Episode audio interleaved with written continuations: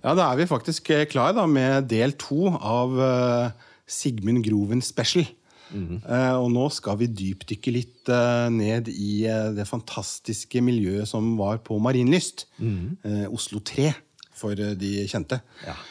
Faren min vokste jo opp bare noen meter bortenfor der, faktisk. Borte i Kirkeveien. Men eh, det er en annen ting. Um, så det var et stenkast. Et jentekast, faktisk. Fra meg, Oi, oi, oi, oi. Underhånds, ikke sant? Det var såpass, ja. Men der skjedde det mye, skal vi få høre. Du, jeg, blir både så fascinert av å høre Ja. om det. 50-, 60-, 70-, 80-tallet osv. videre Han satt jo midt i kjernen, Midt i, vet du. som vi fikk høre litt om forrige gang også. Og nå er det litt mer sånn hans musikalske virke. Ja. Og vi, vi spør jo Grev om litt musikkopplevelser og hva som har betydd mye for han. Og, ja. Og vi får eh, ikke minst avslørt en, eh, et par mm, gode fun facts. oi, oi, ja, det, det er sant, altså. Jeg blei litt, ble litt satt ut underveis. Det spørs om det er andre som blir også. Heng med, som Robert Aschberg sa på 90-tallet på TV3. Så får dere høre. Ja.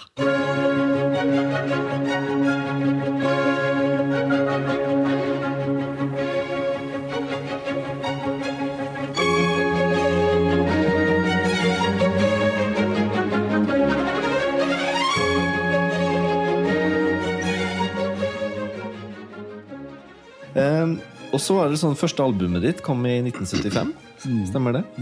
Med faktisk en tittel på en låt du har skrevet sammen med Erik Bye. Ja. Det var slik at uh, Erik han hadde et veldig spesielt forhold til munnspillet. Fordi i sine unge år så var jo han uh, Han var jo en vandringsmann gjennom hele livet. Og eh, han studerte i Amerika og brauta studiene og reiste litt rundt og tok seg forskjellige jobber og gikk litt på loffen og var journalist og bryggersjauer i New York og alt mulig rart. Og han hadde ikke så veldig mye bagasje å dra på, men han hadde alltid et munnspill med seg. Til trøst i ensomme stunder. Og han skrev ei veldig fin memoarbok som heter 'Munnspill under åpen himmel'. Som kom på midten av 60-tallet, og som var en stor salgssuksess også. Veldig fin bok. Og som jeg nevnte, da, så ble jeg kjent med han i Søndagsposten. og Så kom han en dag og sa, kom han med en tekst til meg og sa du, denne her må du lage melodi til. For den handler om ditt instrument. Så spiller vi harmonika. Den står i den boka, Ja. 'Munnspill under åpen himmel'. Og jeg hadde jo ikke noe sjøltillit når det gjaldt det å lage musikk. Men jeg tenkte når Erik Bye spør meg, så må, må jeg jo prøve, da. Så jeg gikk hjem og fikk jo en melodi i huet med en gang, for det jo en fantastisk tekst. Enkel, men veldig konsentrert livsvisdom, rett og slett. Så jeg kom tilbake til Erik med den og spilte den for han og sa ja, ja, den ble fin, den må vi bruke. Ja. Og dermed så var jeg i gang, og jeg tenkte liksom Du verden, jeg vokste litt på det. Da Jeg fikk eh, tillit av han. Og det ble jo da starten på et veldig nært og godt eh, både vennskap og samarbeid. Så den melodien, eh, den sangen, den bruka jo han. Han sang jo den inn på plate. Eh, ja, dette her med at den At jeg laga den, det er akkurat 50 år siden nå, faktisk. For det var 1971.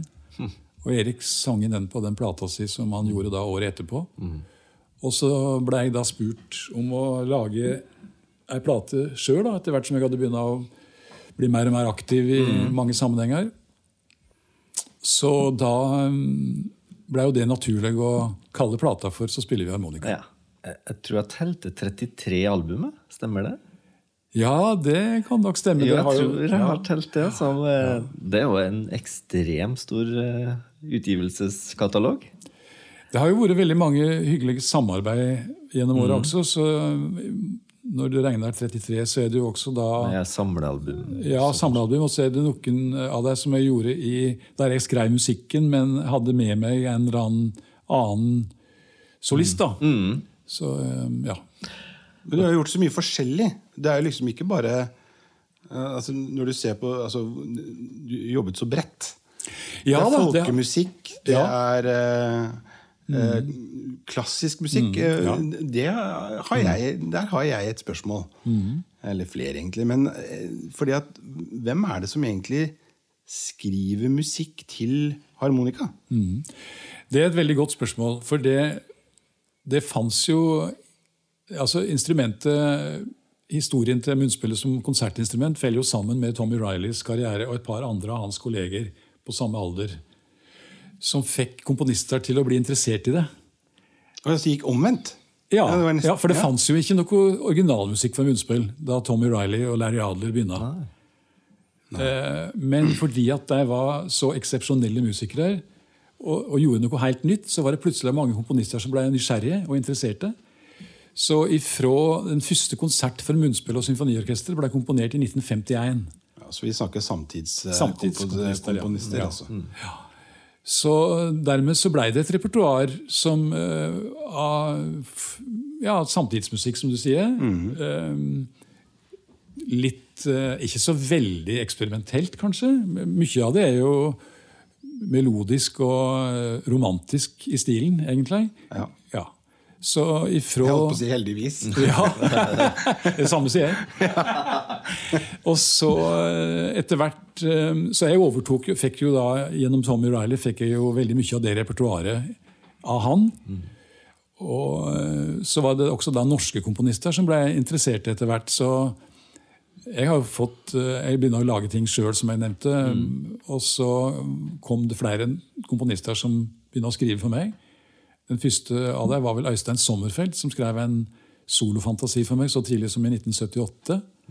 Og så kom Terje Rypdal, Kenneth Sivertsen, eh, Iver Kleive, Kjetil Bjørnstad, Christian Lindemann, eh, Oddvar S. Kvam og etter hvert Henning Sommero, ikke minst. Henning har jo skrevet en veldig flott konsertino for munnspill og orkester, som jeg skal spille inn nå i juni Ja i Trond med Trondheim Symfoniorkester. Eh, Egil Kapstad skrev et veldig fint stykke til meg. Ha. Så, mm, men det det er jo da komponister som har sett seg ned og, og lært nok om instrumentet til å kunne skrive godt for det. Men er det mye Når du får da en telefon fra et symfoniorkester i Asia eller Europa, da er det sannsynligvis et stykke du kjenner til fra før, eller er får du spørsmål om ting du ikke har satt deg inn i? Ja, jeg har jo fått eh, Det er en komponist i Hongkong som skrev et stykke til meg, som, eh, som jeg spilte der borte. Eh, Men ellers så er det jo Jeg kommer jo da med mine repertoarlister. Som sagt så har jeg jo arva veldig mye av Tommy Rileys repertoar, i tillegg til det som jeg da har fått komponert for meg. Av, som jeg nevnte. Så det er jo komponister av kaliber liksom Villa Lobos har en skrevet en flott konsert for munnspillorkester. Eh, Von Williams har skrevet en, en romanse for munnspillorkester. Eh, ja. Robert Farnon, George Martin. Ja, George Martin har jo uttalt noe om deg, som er fint Du mener sir George Martin? Sir George Martin. Ja. Yes. Absolutely. Absolutely. Og han har jo, skal vi se, Hva var det sitatet igjen, da? Det var jo er, Altså, han har sir, altså, Da snakker vi om produsent for The Beatles. Sir George Martin har uttalt at han er en strålende musiker og fremstår i dag uten tvil som en av de fineste munnspillutøvere i verden. Det, det er liksom ikke bare bare, altså. Nei, det var jo veldig hyggelig sagt. Ja. si det. Men Så- i hvilken sammenheng var det sagt? Nei, altså, Jeg blei veldig gode venner med George Martin fordi at eh, Det er også en artig historie som ikke så mange er klar over. Han begynna som produsent for Parlophone, som var den minste labelen i EMI-konsernet, i 1950. Okay. Helt ung. Og den første artisten han skulle produsere, det var Tommy Riley.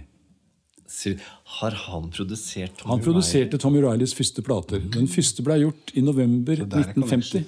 Ja, så det var der har du den forbindelsen. Så han og Tommy var jo bestevenner. Og jeg møtte jo da George Martin gjennom Tommy. Ja. Eh, Han skrev eh, etter hvert flere fine ting for munnspill. Han skrev et svært verk som heter Three American Sketches for munnspillorkester for Tommy. Som Tommy spilte på konsert, men han spilte det aldri inn på plate. Og etter at Tommy var død, så, så spurte George Martin eh, om ikke jeg eh, kunne gjøre en innspilling av det. Og det gjorde jeg da eh, ja, tidlig på 2000-tallet sammen med Kringkastingsorkesteret. Ja. Så det var vel i den sammenhengen der at George eh, skrytte så fælt av meg. Det er jo hyggelig, da. Veldig hyggelig. Og han var jo en veldig spennende og fin person. Altså, han var engelsk gentleman. Både han og kona er jo Men Hadde du kontakt med han når han var midt i den Beatles-perioden også, eller? Altså, jeg var jo eh, på besøk i Air Studio i London. Det var etter at Beatles var oppløst. Ja. Men eh, det var da Paul McCartney drev og spilte inn eh, den plata som het eh, Tug of War. Ja. Pipes of Peace. Det Ja, det var med Steve Wonder, var det ikke det? Ja. Ja. Eh, Det var vel i 19, Nå er jeg imponert. 1981. ja. For da drev George og skrev noe, flere nye ting for munnspill. Så han, kan ikke du bare komme innom? Jeg, var jo veldig mye i England. Jeg var jo fram og tilbake Ja. til England hele tida. Så jeg var i studio og så, eh, for å treffe George, og da var de i gang med produksjon med Paul McCartney. ja.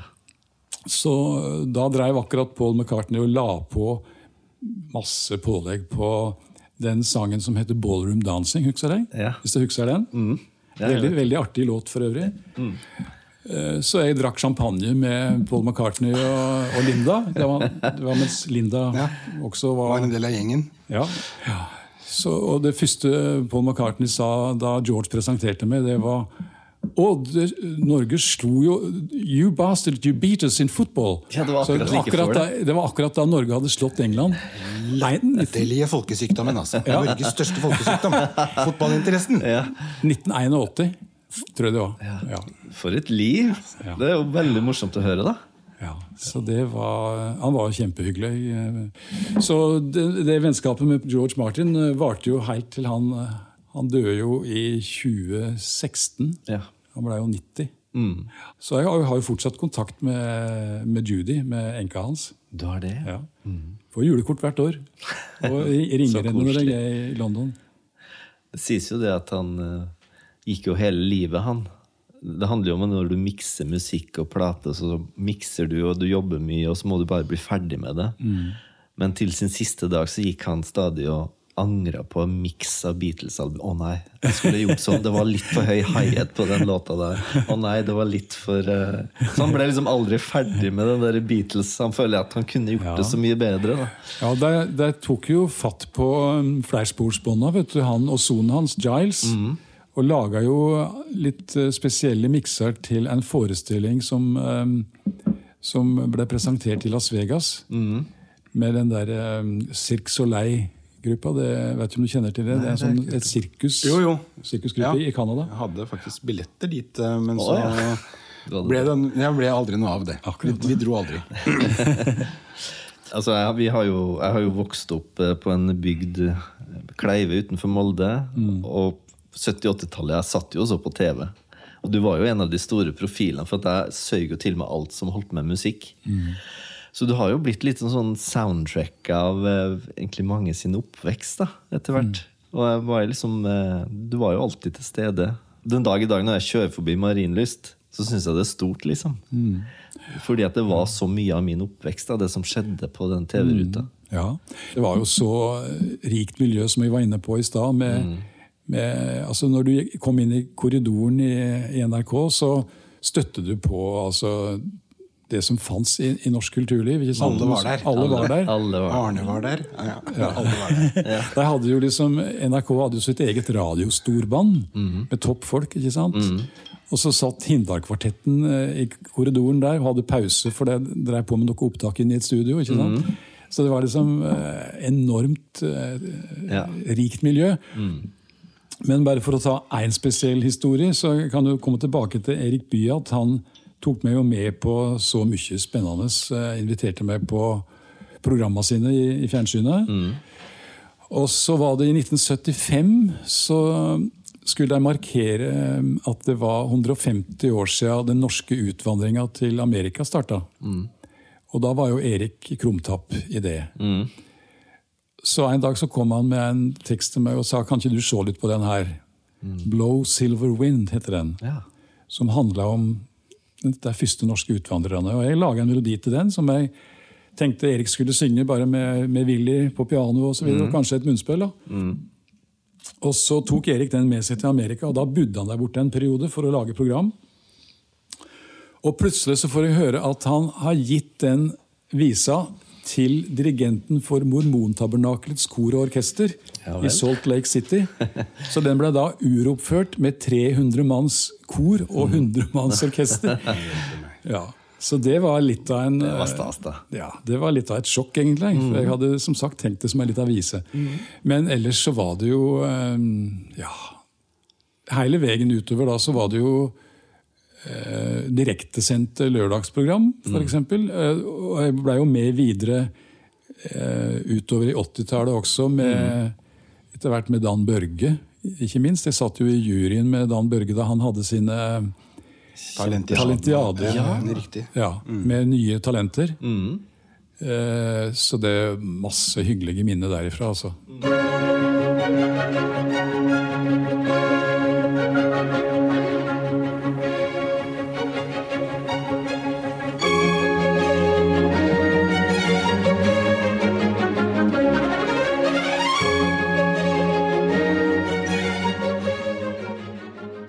Men for den yngre garde, da, hvis i den grad de hører på um, Hva er du mest kjent for, tror du? Altså, vi um, Hvilke låter tror du at du er mest kjent for? Eller som er mest uh... Nei, det er vel et par uh, melodier som folk forbinder veldig mye med meg. Den ene er jo 'Vårsøg'. Henning Sommerås uh, flotte melodi. Som gikk som kjenningsmelodi i Nattønsket i mange mange år. Men det begynner å bli en del år siden det òg nå. Men fortsatt så er den eh, veldig sterkt knytta til instrumentet mitt. da, Selv om det er jo egentlig en sang som Henning gjorde en klassisk innspilling av sjøl med den gruppa som, som hette Vårsøg. Men det, den instrumentalversjonen som Henning og jeg gjorde da i 1983, tror jeg det var, den er jo en slags uh, kjenningsmelodi nesten for instrumentet òg. Ja, er. Det er den ene. Og den andre som folk forbinder veldig mye med meg og med munnspillet, det er jo eh, Flåklypa-melodien. Reodor, Felgens Reodor ballade? Felgens ballade. Den er helt fantastisk. Men der er det slik at uh, det er ikke så bare jeg snakker om det. Men det, det er ikke så mange som er klar over historien der. fordi Nei. at uh, alle tror at det er jeg som spiller den på filmen, Ja, og det er det ikke. det er ikke det, nei. Det er nemlig Tommy Riley. Er det det? Ja, I filmen er det Tommy som spiller. Oi, oi, oi Nå har jeg avslørt en hemmelighet. Oi. Eh, Men jeg gjorde da en innspilling av den på ei av platene mine på 90-tallet. Og den er jo den som blir bruka veldig mye, Ja. som folk hører på radio og så videre. Og fordi at eh, Ja, det er jo liksom munnspillkjenningen. ja. Så er den eh, fast på mitt repertoar fortsatt. Men, men det som, jeg kan også fortelle litt om eh, historien der, fordi Mm. at eh, dette her var så lenge siden som i 1974-75 at den filmen blei laga. Mm. Og Tommy Riley var jo da det store navnet, sjølsagt, overalt. Mm. Og det er noe annet som folk ikke, som ikke så mange kanskje er klar over, at komponisten til den musikken Han vet jeg hva heter. Bent Fabricius Bjerre. Riktig! Ti poeng! Yes! Ja, og han var dansk. Ja. Ja, Han døde for ikke så lenge siden. Det stemmer. Du er godt orientert. Og han ble jo mange og 90 år, og han var still going helt til siste. Ja. Eh, Jeg bruker alltid å si at han var Danmarks svar på Egil Monn Iversen. For han hadde en finger med i det aller meste i dansk eh, musikkliv og kulturliv. Akkurat. Han skrev musikken til Matador, han skrev eh, musikken til Olsenbanden. Ja, ikke minst. Ja, og eh, ja, i det hele tatt. Han var en veldig dyktig musiker og en uh, aktiv person. Drev plateselskap og hadde eget studio i København. Og Spilte du munnspill på den, Sigmund? På, eh, på Olsenbanden? det var Tommy Riley, det òg. Tommy var veldig god venn med Bent gjennom alle år. De hadde jo møtt hverandre f- på 50-tallet og hadde kjent hverandre i alle år. Så da Bent skulle lage musikk til Flåklypa Flåklypa og de hadde jo, altså Ideen til Aukrust og Caprino var jo dette her med at Reodor skulle spille munnspill. Og da var det jo sjølsagt hvem som skulle spille munnspill. Det var Tommy Riley. Men eh, Tommy han var jo veldig mye i Norge. Han var hjemme hos meg og hadde da fått det oppdraget. Og så ville Caprino treffe Tommy Riley for å se han når han spilte. For da skulle jeg modellere eh, dokka Reodor. Ja, det var sånn de gjorde det. Så da var Tommy og jeg invitert ut til Caprinos filmstudio ute på Snarøya. For å møte Caprino og Bjarne Sandemose, som mm. laga veldig mye av både dokkene og av hele settet. Mm. Så jeg så da eh, mye av det som egentlig var veldig hemmelig. Ja. Eh, hele racerbanen, f.eks. Ja. Ja. Det var veldig mye hemmelighetskremmeri rundt det der. Ja, visst var det det. Den teknikken, måten de laga dette her på, det var jo strengt hemmelig. Men i hvert fall så husker jeg at uh, Caprino Og der filma jo Tommy mens han satt og spilte, for å se hvordan han holdt instrumentet. For at det skulle bli mest mulig korrekt når de skulle lage Reodor. da. Akkurat. Så der har du historien. Og Tommy spilte jo musikken i København, i, i Bent Fabricius Bjerres studio der. Det er sikkert det de har gjort med den der, den der bandscena på Flåklypa. Det er jo noe av det beste jeg vet om. Altså, det er så Det er så elegant gjort. Det er så elegant Morsomt. og fint gjort. Altså. Det er helt For Der også er det jo veldig elegante munnspillsoloer vet i, i det Ja. orkester... Det er også Tommy, det. Det er Tommy, Ja. alt sammen. Men, men siden det var Jeg har i hvert fall vært eh, av den tro at det er du som har spilt det. Kan du si. Og da må jo uttrykket deres, ditt og Tommy sitt, være forholdsvis likt. Hva tenker du om det? Er det Ja. feil å si det? Nei, det er ikke feil å si. Det er klart, Jeg har jo um, hatt han som forbilde og modellert veldig mye av min stil på hans. Men, men hvis du hører veldig godt etter, så altså hvis du hører på andre innspillinger av Tommy og sammenligner med mine innspillinger av, av samme stykke, Ja. Så vil du høre at eh, altså, som vi var inne på i stad, så er munnspillet så personlig at alle har sin tone. Og hvis du hører godt etter på Tommy, så hadde han en helt spesiell vibrato som ingen andre kan imitere. Ja vel. Eh, du hører det kanskje ikke så veldig godt eh, hvis du hører Tommys altså Nå har det jo etter hvert det kom, det kom en boks for et par år siden med all musikken til Bent Fabricius Bjerre. Filmmusikken hans. Og der har du hele Flåklypa-musikken òg. Så hvis du leiter opp den, så vil du nok høre at Tommy har kanskje en litt annen vibrato enn jeg har. altså. Ja, man har forskjellige uttrykk. Ja. Og når man holder på å nevne sånne ting, så har du jo også introen til uh, Jul i Skomakergata. ja, ja, ja. ja den er også Som er sånn- også legendarisk. Ja, Den husker vel de fleste. Ja, Og litt nyere så er det Vi på Langedrag. Ja, ja da, der skrev jeg musikken sjøl. og så har jeg også eh, i den um, Siden du snakker om jul, så har jeg også um, en sterk eh, tilknytning til, og som folk venter at jeg skal spille når jeg er ute på julekonsert der, så er det En stjerne skinner i natt. Tore Aas-melodi. Ja, du har introen der. Det- det- Melodi der. Ja, mm. Og så har vi jo, når vi snakker om jul, så har vi jo faktisk eh, Ja, der har du en liten Der har jeg en finger med i spillet. ja, der har du en finger med. Ja, ja. Hva var det som skjedde i 2009? Da starta vi I 2008 kanskje det starta. Kona mi og jeg starta en gruppe som heter Superbarna. Og så skulle vi ha en juleplate. Og så skrev jeg en låt som heter Adventstid. Og så har jo jeg alltid hatt lyst til å samarbeide med Sigmund. Og da hadde vi faktisk allerede samarbeidet. Jeg tror vi har, vi har spilt på et par uh, plateinnspillinger sammen før det. Så vi satt i sessions. Så da tørte jeg litt, da så jeg, visste jeg hvor hyggelig du var, så da turte jeg å ringe og spørre han da, om han kunne spille på den adventstid. Så du bare ringte Sigmund og spurte kan du spille på Eller så var det ring, eller så var det, eller så var det på mail, da. Ja. Men så Sigmund hadde så dårlig tid, for han var jo en hotshot i miljøet og reiste jo verden rundt. Så nei, dessverre, jeg tror nok ikke jeg kan bli med på det. her. Og så tenkte jeg åh, ja, men det eneste jeg hører for meg på den låta, det må være Sigmund som spiller der. Så da er masa masa han, da. Nei, men du er dessverre det er sånn Tokyo og New York og alt mulig sånn verdensmann. Og så bare Altså, jeg kan komme hjem til deg. Hvis du bare gjemmer litt, så kan jeg komme hjem til deg, og så kan jeg rigge opp i stua di, og så kan du spille det. Jeg skal være kjemperask. Og da var det sånn, ja, ok, da. Og da lønte det seg. Det eneste gangen tror jeg jeg virkelig har mast. Og så sa du ja. Velkommen hjem til meg. Ja. Og så kom jeg opp, og du hadde på TV-en, og du satt der, og så jeg notestativ. Eh, og så var det notestativ og mikrofon. Og så hørte du litt gjennom det, satte på det headset, og vi muta TV-en. Og så var det to-tre ganger igjennom. Og da hadde jeg alt på det. nota. Og så satt det selvfølgelig. Jeg var jo stor der med gåsehud og bare Det er eh, mitt store opplevelse.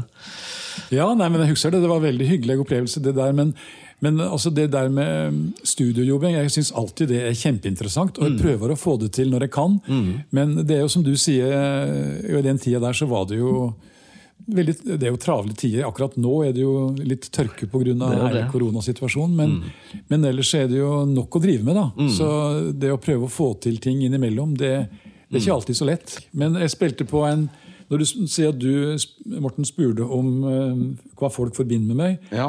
eh, så er det jo Nå begynner det også å bli en del år siden, men jeg fikk en oppringning fra en veldig hyggelig kar som heter Øyvind Sauvik. Også kjent som Vinni. ja. For en del Ja, år siden. det. Det var den jeg tenkte på. Ja. Eh, som lurte på om jeg kunne bli med på Det var én låt han ville ha meg med på på en ny, et nytt album han drev på med. Akkurat. Ja, så sa jeg, og Da sa jeg det som jeg ofte bruker å si, at eh, ja, jeg stiller gjerne opp hvis, hvis jeg føler at jeg kan bidra, hvis jeg, og hvis jeg er ledig. Mm. For jeg får jo forespørsler fra mange hold, eh, men jeg, det er jo, skjer jo så mye. Det er så mange nye, flinke folk i alle stilarter for tida. Og hvis jeg, hører, hvis jeg eh, føler at jeg ikke kan eh, yte det rettferdighet, at det er stilarter som er fremmed for meg, så, så får heller noen andre gjøre det. Men så sa jeg, kan du sende meg eh, en demo på hva det er for noe? Så kan jeg høre. Og da jeg fikk den, så skjønte jeg jo med en gang at, uh, hva han ville. For det var sånn litt blanding av country og gospel. Ja, En låt som heter 'Lonesome Traveler'. det var den sangen, ja. Mm. Så jeg mm, dro i studio til uh, Vinni og hans gjeng da som heter Paperboys. Og la på masse forskjellige munnspillspor. Ja. Og bare sa 'bruk det du vil'. ja. Og så sa han vi skulle hatt banjo. Kjenner du noen som er flink til å spille banjo? Ja, Hun ringe til Øystein Sunde, seg. jeg. Ja, tør vi det? Ja, da bare prøv. Og Eistein er med og spiller banjo på den. Så gøy. Ja. Og så var jeg eh, Jeg husker ikke hvor jeg var. Jeg var vel kanskje i Amerika eller noe. Og så fikk jeg en, eh, en mail fra kjæresten min som sa at du, nå ligger du på toppen av VG-lista med, med Paperboys. For da gikk jo den Lonesome Traveler helt Rett på toppen. eh, på toppen. Det er gøy, da. Så gøy, ja. Det er jo det som er så morsomt, at du har de der beina i klassisk musikk, folkemusikk og populærmusikk. Ja, jeg har alltid hatt et åpent sinn og syns det er veldig spennende å Ja. møte forskjellige musikkstiler. Men som sagt, hvis jeg skal kunne bidra, så må jeg føle at det, at det er noe jeg kan bidra med. Ja, ikke sant? Men hvordan går det med rekrutteringen til og det å spille munnspill? Det er det en egen linje på høyskolen, f.eks.? Jeg har hatt en fantastisk dyktig eh, student på Musikkhøgskolen nå de siste åra. Men han kommer fra Sør-Korea. Ja, ok. Eh, Han eh, tok en glimrende eksamen i fjor, og nå er han i full sving. Jeg har jo stadig kontakt med han, så han har stor karriere hjemme i Sør-Korea nå. Men det er som jeg sa i stad, at det er jo i Asia at det skjer når det gjelder kromatiske munnspill. Har, I Norge så er det et veldig hyggelig miljø. Vi har en forening som heter Norsk Munnspillforum. Og vi har eh, sommerseminar hvert år rundt omkring på forskjellige steder i landet. Nå skal vi ha seminar i slutten av juni i Selbu i Trøndelag. I fjor var vi på Tjøme. eh, Og så har vi vært i Tromsø, og vi har vært på Svalbard, og vi har vært i Lyngdal. Vi har liksom sirkulert rundt. Ja. Savner du å reise, da? Du har jo reist ganske Det mye. har vært veldig rart det året Ja. nå, for det har ikke skjedd før. Altså, jeg, har, eh, jeg har jo reist både her og i utlandet i Mm. alle de år. Vi har jo en eh, Jeg, minnes veldig godt den juleturneren Ja. vi to gjorde sammen. Ja, sammen med Jon Eikemo og Anne Wada og Øystein Lund Olafsen. Stemmer det. Den var veldig trivelig. og en spesielt hyggelig turné. Ja, og, og Jon Eikemo er jo en, eh, en person i seg sjøl. ja, ja. Jeg husker jo særlig den derre når vi, kom, vi skulle til Ørlandet, Ja. og vi visste det Der har jeg vært en del. Ja, ikke sant? Ja, det har du vel? Du som flyger, ja. Det var nesten ti år, det. Ja, det vil jeg tro. Akkurat. Men da tok vi ferja over, og så visste vi at det var ikke så mye åpent før konsert. Så da husker jeg at jeg og Sigmund gikk, og vi hamstra inn sikkert ti sveler hver. For at vi, vi elska sveler. Så tok dere Flakk Rørvik-fergen, da. Ja. Bil, ja. Mhm, og da kjøpte vi den. Men så var det Det her var sikkert lørdag. Og så lå vi på en kjempeflott gård der, og så skulle vi ti, første ferja tilbake på søndag. Og det jeg husker best fra turneren da, var at Jon Eikemo hadde gått tom for røyk. Jeg vet at du har et fantastisk bilde fra den seansen. Og han har ikke fått røyk på noen timer. Da, da, da er det et sånt sognehue så, da, da er det sognelynnet som kommer fram i topplokket. Røk og, røk og kaffe. Ja, så det var, og han fikk det heller ikke på ferja.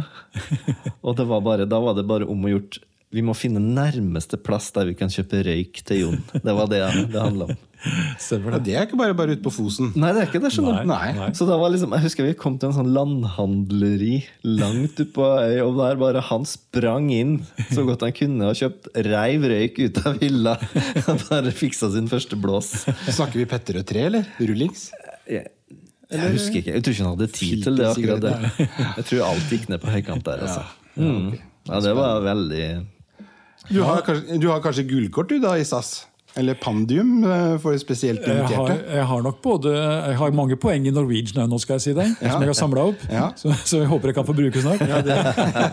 Du er vel ikke alene med å håpe det? Nei, Jeg har, eh, har nok en del flytimer bak meg, men ikke så mange som deg. tenker jeg. Men eh, Norwegian flyr jo ikke, eller fløy jo ikke til Japan og Asia. Nei. Annet enn Bangkok, da.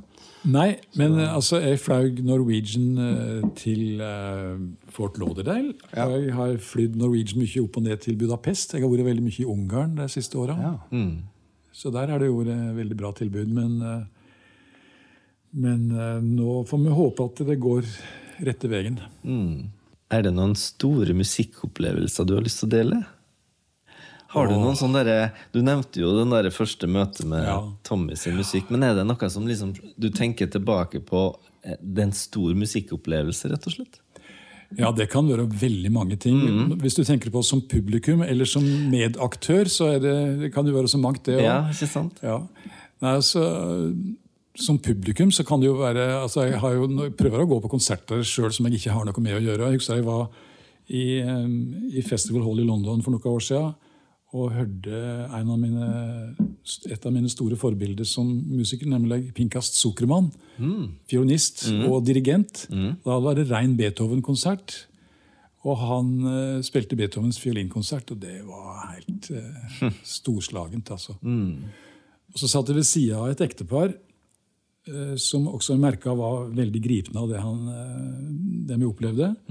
Så kom jeg i prat med dem i pausa, og så viste det seg at han mannen da, som jeg satt ved sida av, han var akkurat, han var pensjonert konsertmester i London Symfoniorkester. Så, og han sa at som eh, var en av de av de, Han hadde jo spilt med alle de store fiolinistene. ikke sant? Og så Han var den mest naturlige musiker han kjente. Nei, ja. Og Samtidig så vil jeg også si at eh, når vi snakker om, jeg har alltid vært veldig opptatt av fiolinister fordi at far min uh, spilte. Så samarbeidet med Arve Tellefsen har jo også vært en enorm inspirasjon. altså. Og Senest eh, for noen år siden så dukka det opp eh, noen eh, opptak med Arve Tellefsen og Kåre Ørnung som, ja. som aldri ble, hadde vært ute. Ja, det, det har jeg fått med meg. Jeg lurer på om de snakka om det i NRK Klassisk eller noe sånt. Ja. ja. På klassisk forspill. Ja. Ja, Så viste det seg at eh, det var en lang historie der, men etter hvert så dukka råstoffet opp til de innspillingene. Eh, oppe i Nasjonalbiblioteket i Mo i Rana. Der, ja.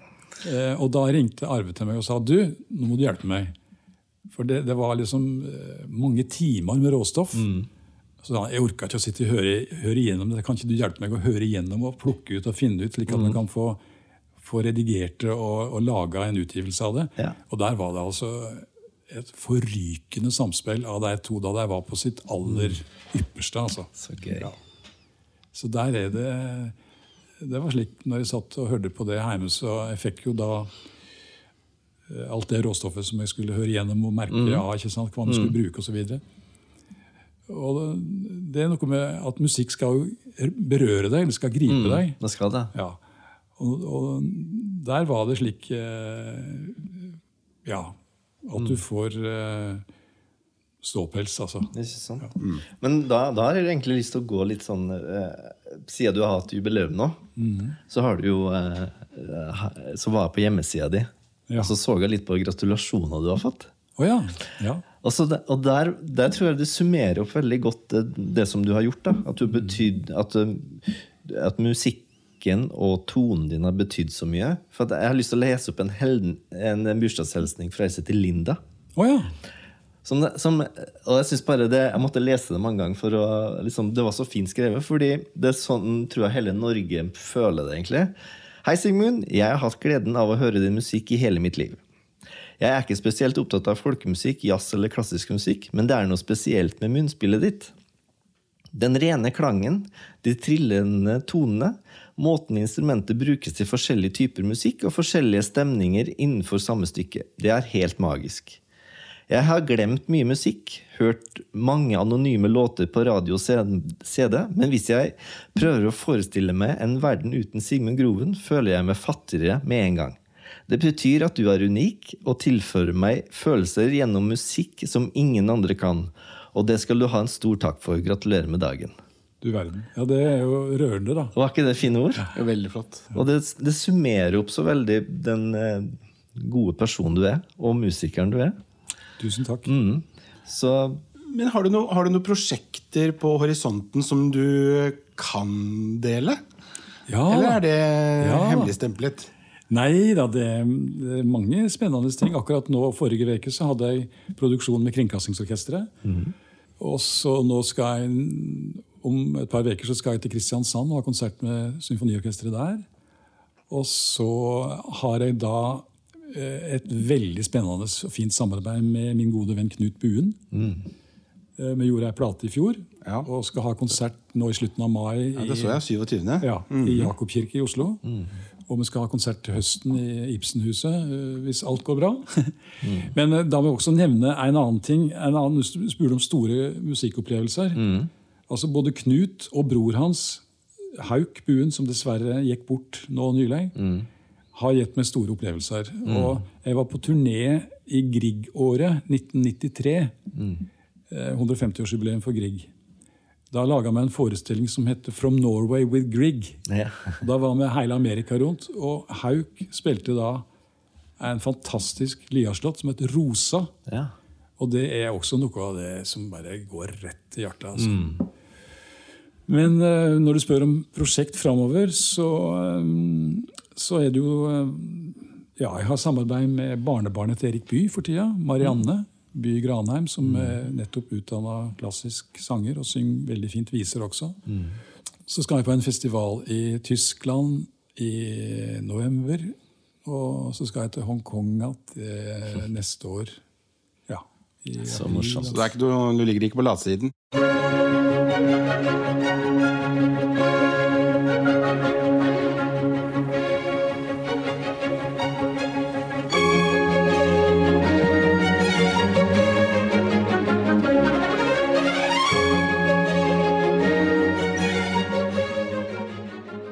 Du skal spille en sånn stor konsert, jeg lurer på, åssen er det du forbereder deg? Tenker du mye på det i, i, i forkant? Åssen eh, er det liksom med nerver og munnspill og sånt?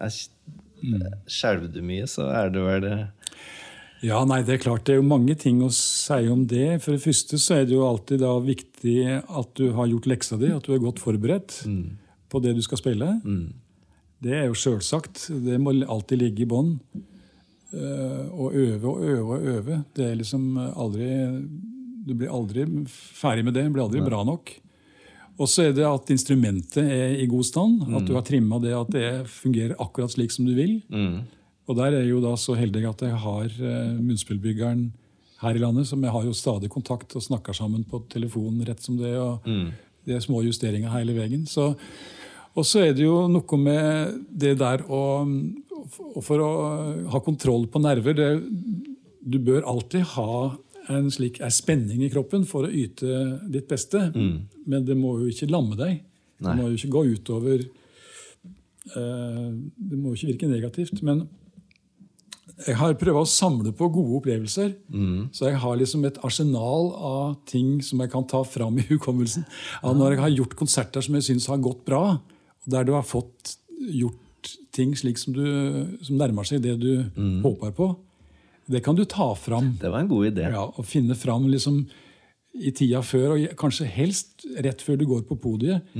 Hvis, det da, hvis du kjenner at nervene er kanskje litt plagsomme. Ja. Men som regel så er det jo slik at uh, i det øyeblikk du begynner å spille, så er det borte. Da slipper det, ja. Ja. Men før du skal inn, så kan det ofte være ganske Det kan være vondt, altså. Ja, Og dagene før også. Ja. Og nettene før. Men det har liksom sånn akkurat når du skal på scenen, så er det nesten sånn Av og til så kan det være sånn Jeg vet nesten ikke hvilken tone det var på gitaren, gitaren en gang. Og så kommer den skjelvinga, så skal du overbevise om at du er Ja. ja, så er det jo På mitt instrument så er det jo pusten, da. Og det går det jo fort utover. Hvis du, Ja. hvis du har nerver, så merker du jo det på, på pusten. Men uh, som sagt, det der å ta fram gode opplevelser og gode, gode ting du har uh, opplevd, det har, syns jeg er en fin ting å Det var på. dagens tips for meg, i hvert fall, som utøvende musiker. Det skal jeg ta med meg.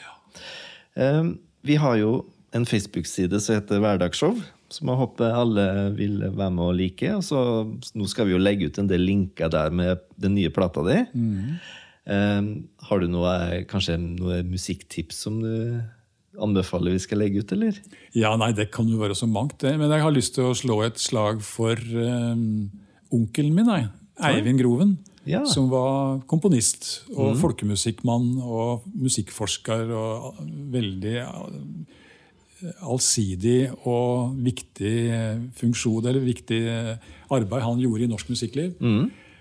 I fjor så kom det ei veldig fin innspilling av hans to symfonier Ja. Med Kristiansand Symfoniorkester og med en god venn av meg som heter Peter Silvay som dirigent. Eh, Eivinds symfoni nummer én og nummer to. Begge to er vel verdt å høre på. Og symfoni nummer én den starter med det som eh, den eldre generasjonen vil huske som NRKs gamle kjenningssignal. ja.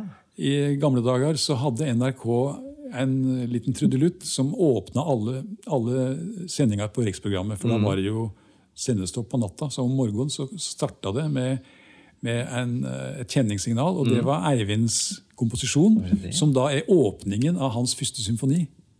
Ah, ja. Som heter 'Innover viddene'. Veldig eh, sterkt og slående mm. tema. ja. Ja. Ja, men Det må vi ta og legge ut en link på, så folk får høre det. Ja. Og så lurer jeg jo på da, før vi avslutter, er det mulig å få høre litt um, munnspill, rett og slett? ja. Har du noe spesielt ønske da, eller? Er det Kanskje Reodors uh, Ja, enten det, eller så har du jo også laget, laget en eh, coverlåt. Eh, som, ble, eh, som var på Orions belte. Å ja, ja. Svalbard-tema, ja. Ja. Ja, ja, ja. Det er jo et eh, det er også, Du spurte om melodier i stad som folk assosierer med meg og med Ja, munnspillet. for det tror jeg også kanskje er mange Det har du rett i. Den er, den er veldig mye etterspurt. Og det var jo, altså Musikken er jo laga av mine to gode venner Geir Børen og Bent Aasrud. Mm. Og så er det Kjetil Bjerkestrand, som jeg har hatt veldig mye fint samarbeid med gjennom åra, som har laga det flotte arrangementet på Svalbard-tema. Da får du velge Reodors ballade eller eh, Må jeg velge mellom det, altså?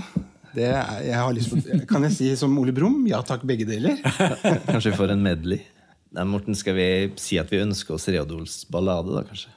Ja, jeg tror, eh, tror det. Det er jo kanskje den som eh, flest kjenner best. Eh, og svisker, det er eh, Det er jo litt sånn feilaktig å si. Jeg syns det er veldig fint også å si at de er veldig godt likt. jeg. Så det er- Svisker er sunt. Ja, svis ja, sunt og godt. Det er godt for magen. Ja. ja, vi tar den. Thank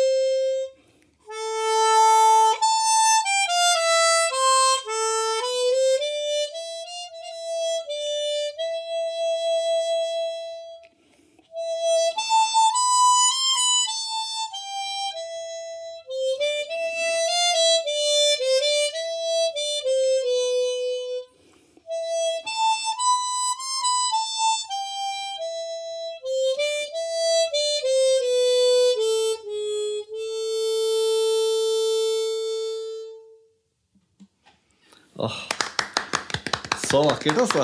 Er. Personlig konsert her i Hverdagsshow. Det er ikke verst, altså. Nei. Men eh, Sigmund, det var fantastisk å ha en prat med deg. Takk i like måte. Veldig hyggelig. Tusen takk for at du var her. Også. Men før vi slutter helt, så har vi jo vært inne på at han har hatt eh, en rund sånn feiring.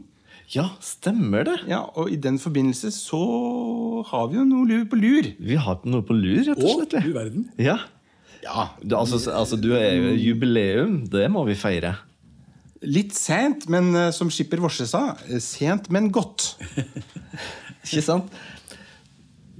Da har vi noe på luringa bak her. vi. Oi, ja vel. Så nå kjem, henter Morten fram en eh, gul pose. Nei og nei. Vær så god. Tusen Der er det litt oh. munngodt. Åh, du verden. Ja, da må jeg bare si tusen hjertelig takk, da. Jo. Det var da en hyggelig overraskelse. Og så er det en um, En hue, eller en lue, Lue.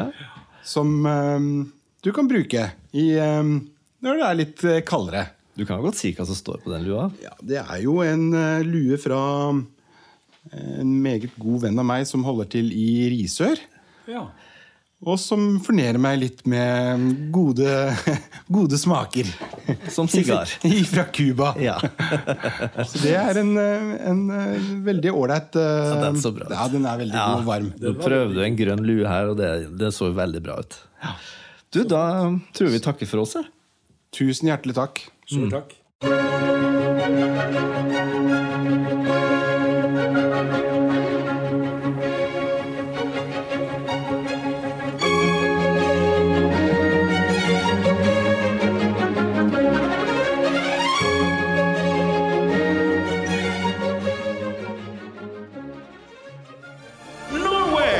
media.